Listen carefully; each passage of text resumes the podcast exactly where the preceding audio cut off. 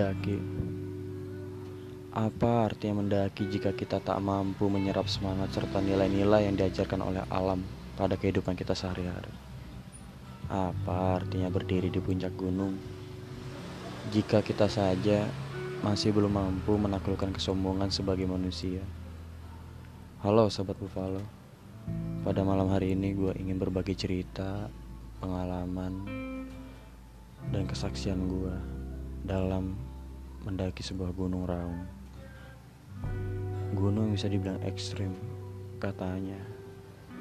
Emang ekstrim sih. Pada tahun 2019 lalu, gue lima orang mendaki sebuah gunung raung. Awalnya sih bukan gue yang mendaki gunung itu. Ceritanya gini. Sebelumnya bapak gue yang harusnya mendaki gunung itu yang seharusnya menjelajahi, mengeksplor. Tapi dikarenakan bapak gue sakit, jadi digantikan ke gue. Jadi gue mewakili teman-teman bapak gue untuk mendaki sebuah gunung raung. Gila ya. Padahal sebelumnya gue belum pernah mendaki gunung-gunung se ekstrim itu. Ya udahlah, karena gue gantiin daripada tiket bazir kan. Ya udah gue gantiin bokap gue. Jadi gue yang naik gunung itu. Uh, ketika mendaki gunung itu gue rela cuti kuliah seminggu gitu. Soalnya gue penasaran juga sama gunung itu kan. Katanya ekstrim. Nah gue bisa dibilang nekat sih. Karena gue suka dengan menantang penantangan gitu gue suka gitu. Bukan berarti gue menantang ya. Tapi gue suka menjelajahi tantangan itu gitu. mulailah gue mendaki dari Jakarta. Kita berangkat pagi banget jam-jam 7 menuju Surabaya. Kita sampai Surabaya itu seharian penuh sampai Surabaya itu ya subuh lah. Kita saya berangkat jam 7 sampai Surabaya itu subuh. Subuh banget jam-jam 4 nah dari jam 4 itu saya transit lagi naik kereta. Transit ke stasiun Kalibaru di Jember tepatnya.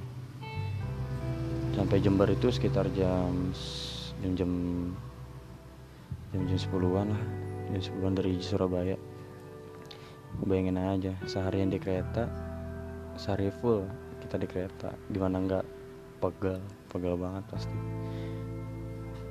Saya mendaki itu jam 10 kita sam saya ya saya sampai di base camp Busuto. Saya selalu dengan orang-orang Jember situ di Kalibaru.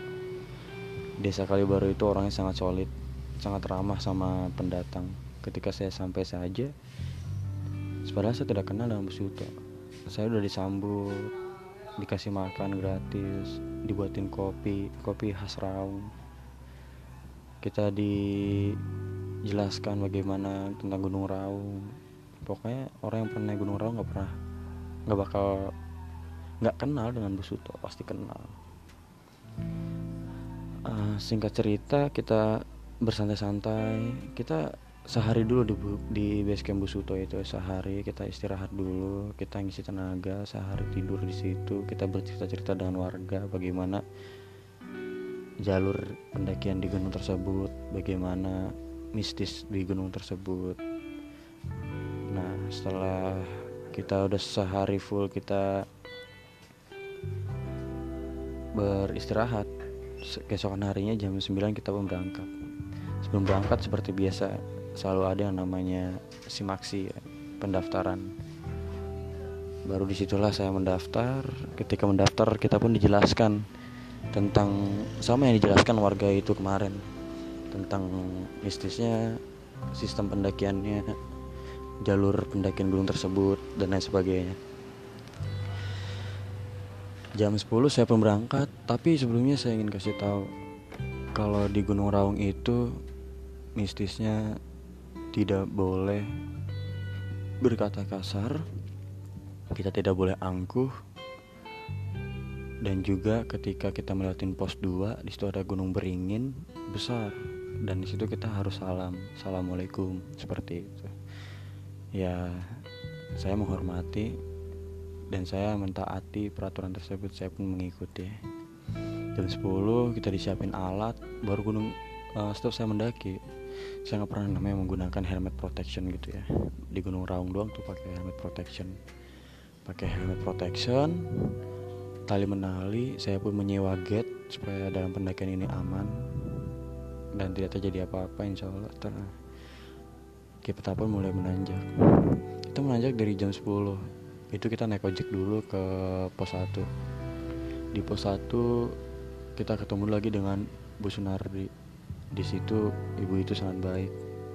Tidak kalah jauh baiknya dengan Bu Suto. Kita sama-sama dibuatin kopi berangkat dibuatin kopi turun pun dibuatin kopi. Kita kadang-kadang kita pun diceramahi oleh nenek tua tersebut. Emang udah tua sih umurnya. Dan di di pos satu itu udah lumayan dingin ya. Dan rumah bonek Senardi itu doang sendiri di situ. Jadi dia hidup sendiri di rumah itu.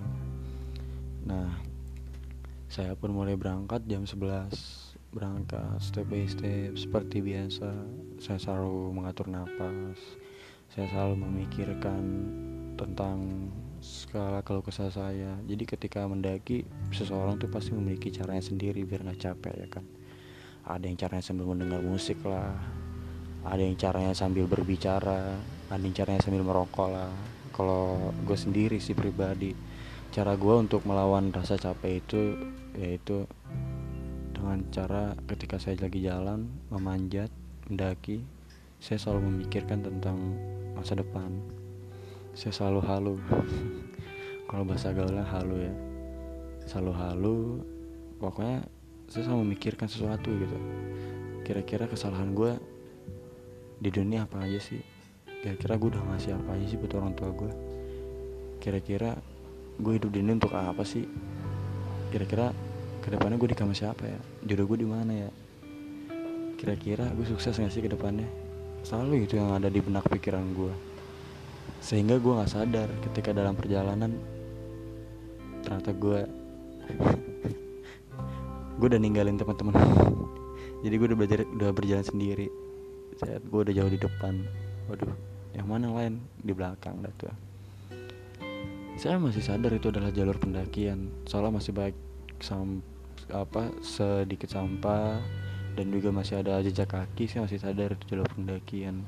Makanya saya selalu mengikuti. Pokoknya ketika saya mendaki saya harus mencari jalan menuju ke atas. Nah itu adalah jalan menuju puncak. Dan ikuti jalur pendakian yang sudah ada. Saya mendaki jalur tersebut mendaki suatu ketika ketika saya lagi berpikir sesuatu tiba-tiba saya kaget. Kok ada pohon gitu kan bergerak. Apa tuh? Ya ternyata cuma monyet. Berkelantungan. Wah jarang kan lihat monyet di hutan.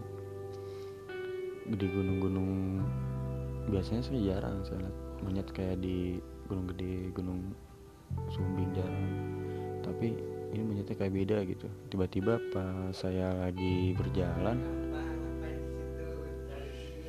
ketika saya lagi berjalan ternyata di belakang monyet itu ada kucing oren gitu ngejar ya kan? Kucing oren dalam kurung harimau gitu ya. Harimau kecil gitu mengejar monyet tersebut mengejar. Loh, saya pun takut kan ya pasti. Karena ketakutan itu uh, saya pernah belajar sih kalau misalnya ketemu hewan buas sebenarnya hewan buas tersebut yang takut sama kita. Makanya saya jangan takut saya diam aja kan. Saya tetap berjalan santai selama saya nggak mengganggu dia ya enjoy aja gitu kan. Yaudah saya jalan santai. Tapi jarang-jarang juga kalau kucing orang di hutan itu kan. Saya jalan-jalan jalan terus saya capek saya berhenti. Tiba-tiba ada suatu pendaki turun ketemu sama saya. Nah pendaki itu balik lagi ke atas karena HP-nya ketinggalan loh kok saya kaget gitu kan? Kok dia lari gitu? Padahal di gunung kan saya yang jalan aja capek apalagi dia yang lari itu kan pasti lebih capek. Tapi dia terlihat kayak nggak capek gitu berlari habis itu turun lagi lari lagi.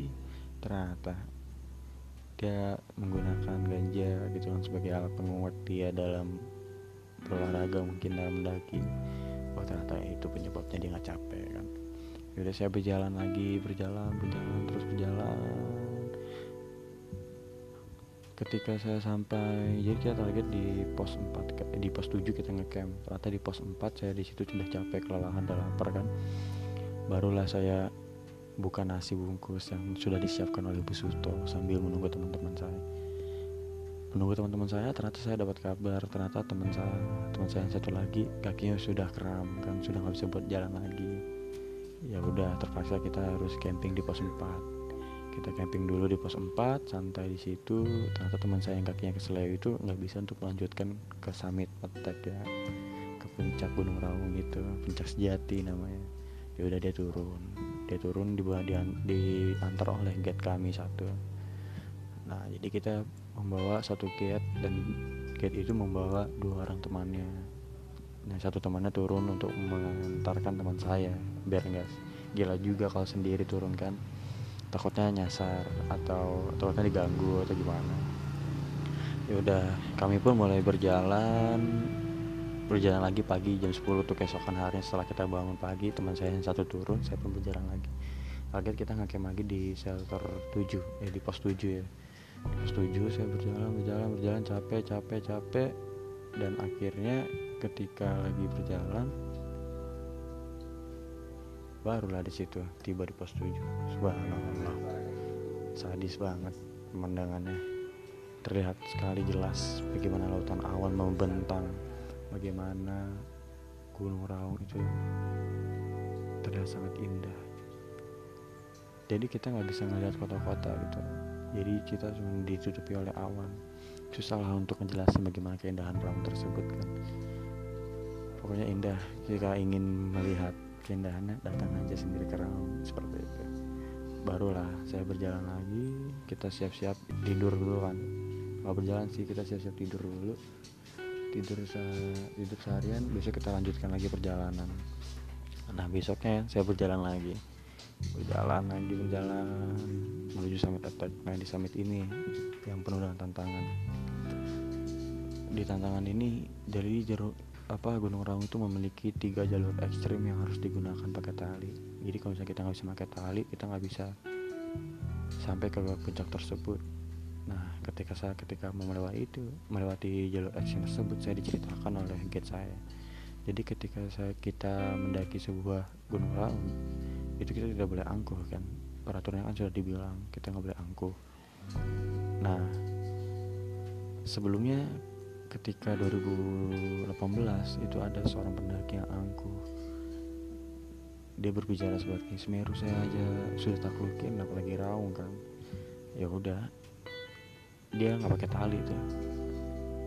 Dia nyoba aja jalan nggak pakai tali padahal jalannya sangat curam curam sekali. Kalau kita kepleset dikit jatuh ke bawah gunung tinggi sekali. Kalau kita udah jatuh sudah tidak ada nyawa lagi apalagi kalau sudah ada angin kencang. Kita harus jalan jongkok kalau kita berdiri kita bisa ketiup. Angin di gunung itu beda. Saking kencangnya kita bisa ke bawah maka dari situ saya menyadari emang benar kita nggak boleh angkut di gunung. Barulah saya dibantu oleh tim gate itu untuk menuju puncak. Menggunakan tali. Rasa takut ada tapi saya harus berani supaya saya bisa menggapai puncak tersebut. Supaya perjalanan saya tidak sia-sia. Supaya libur saya seminggu cuti kuliah itu berguna. Nggak usah diikutin. Uh, tidak lama saya melewati jalur tersebut. Tiba di jalur ekstrim terakhir yaitu tanjakan yang sangat terjal. Itu tanjakan subhanallah gilanya.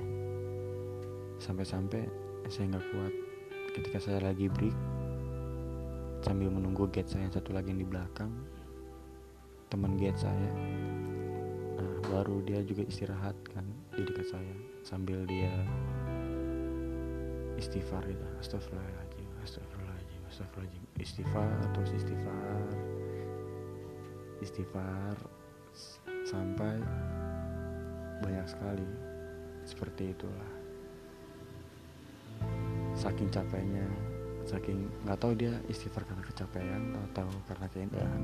Tapi saya lihat dalam raut mukanya itu dia istighfar karena kecapean. Keringat sudah menujuri tubuhnya. Barulah saya pun ikut istighfar supaya saya semangat kan barulah kita berjalan lagi berjalan lagi menuju puncak. Sekitar dua jam alhamdulillah penuh rasa syukur saya sujud di atas puncak sujud saya bersujud syukur di atas puncak gunung raung. Saya pasti akan bersujud syukur di gunung mana pun yang telah saya daki. Saya pasti akan sujud syukur. Kenapa? Itu adalah bukti. Karena saya yakin ciptaan Tuhan itu tidak pernah membohongi keindahannya. Karena saya yakin ciptaan Tuhan itu pasti selalu bermanfaat bagi umatnya. Dan saya bersyukur itu adalah bukti saya telah bertadabur alam. Dari gunung Rawang tersebut, saya bisa mengambil sebuah pelajaran. Pertama, kita tidak boleh angkuh setinggi apa pun kita berdiri setinggi apa pun kita berdiri di tempat yang tinggi kita tidak angkuh tidak boleh. Soalnya kita berdiri di atas gunung kita melihat ke bawah mereka semua kecil. Dan orang bawah itu melihat kita dari bawah ke atas. Kita hanyalah orang yang kecil. Jadi kita sama rata di sini kecil. Kita tidak boleh angkuh. Di atas langit masih ada langit. Dan dari Gunung Raung ini saya belajar jika kita menghadapi suatu tantangan kita harus berani dan yakin jika, jika ketika mendaki Raung tadi saya ragu-ragu. Mungkin bisa saja saya turun lagi dan tidak bisa mendapatkan keindahan puncak Raung. Jika dalam pendakian Raung tadi saya ragu-ragu mungkin saya tidak akan bisa menceritakan podcast ini kepada kalian semua. Oke baiklah tim-tim Buffalo. Semoga podcast ini bermanfaat. Kurang lebihnya saya meminta maaf. Terima kasih Goodbye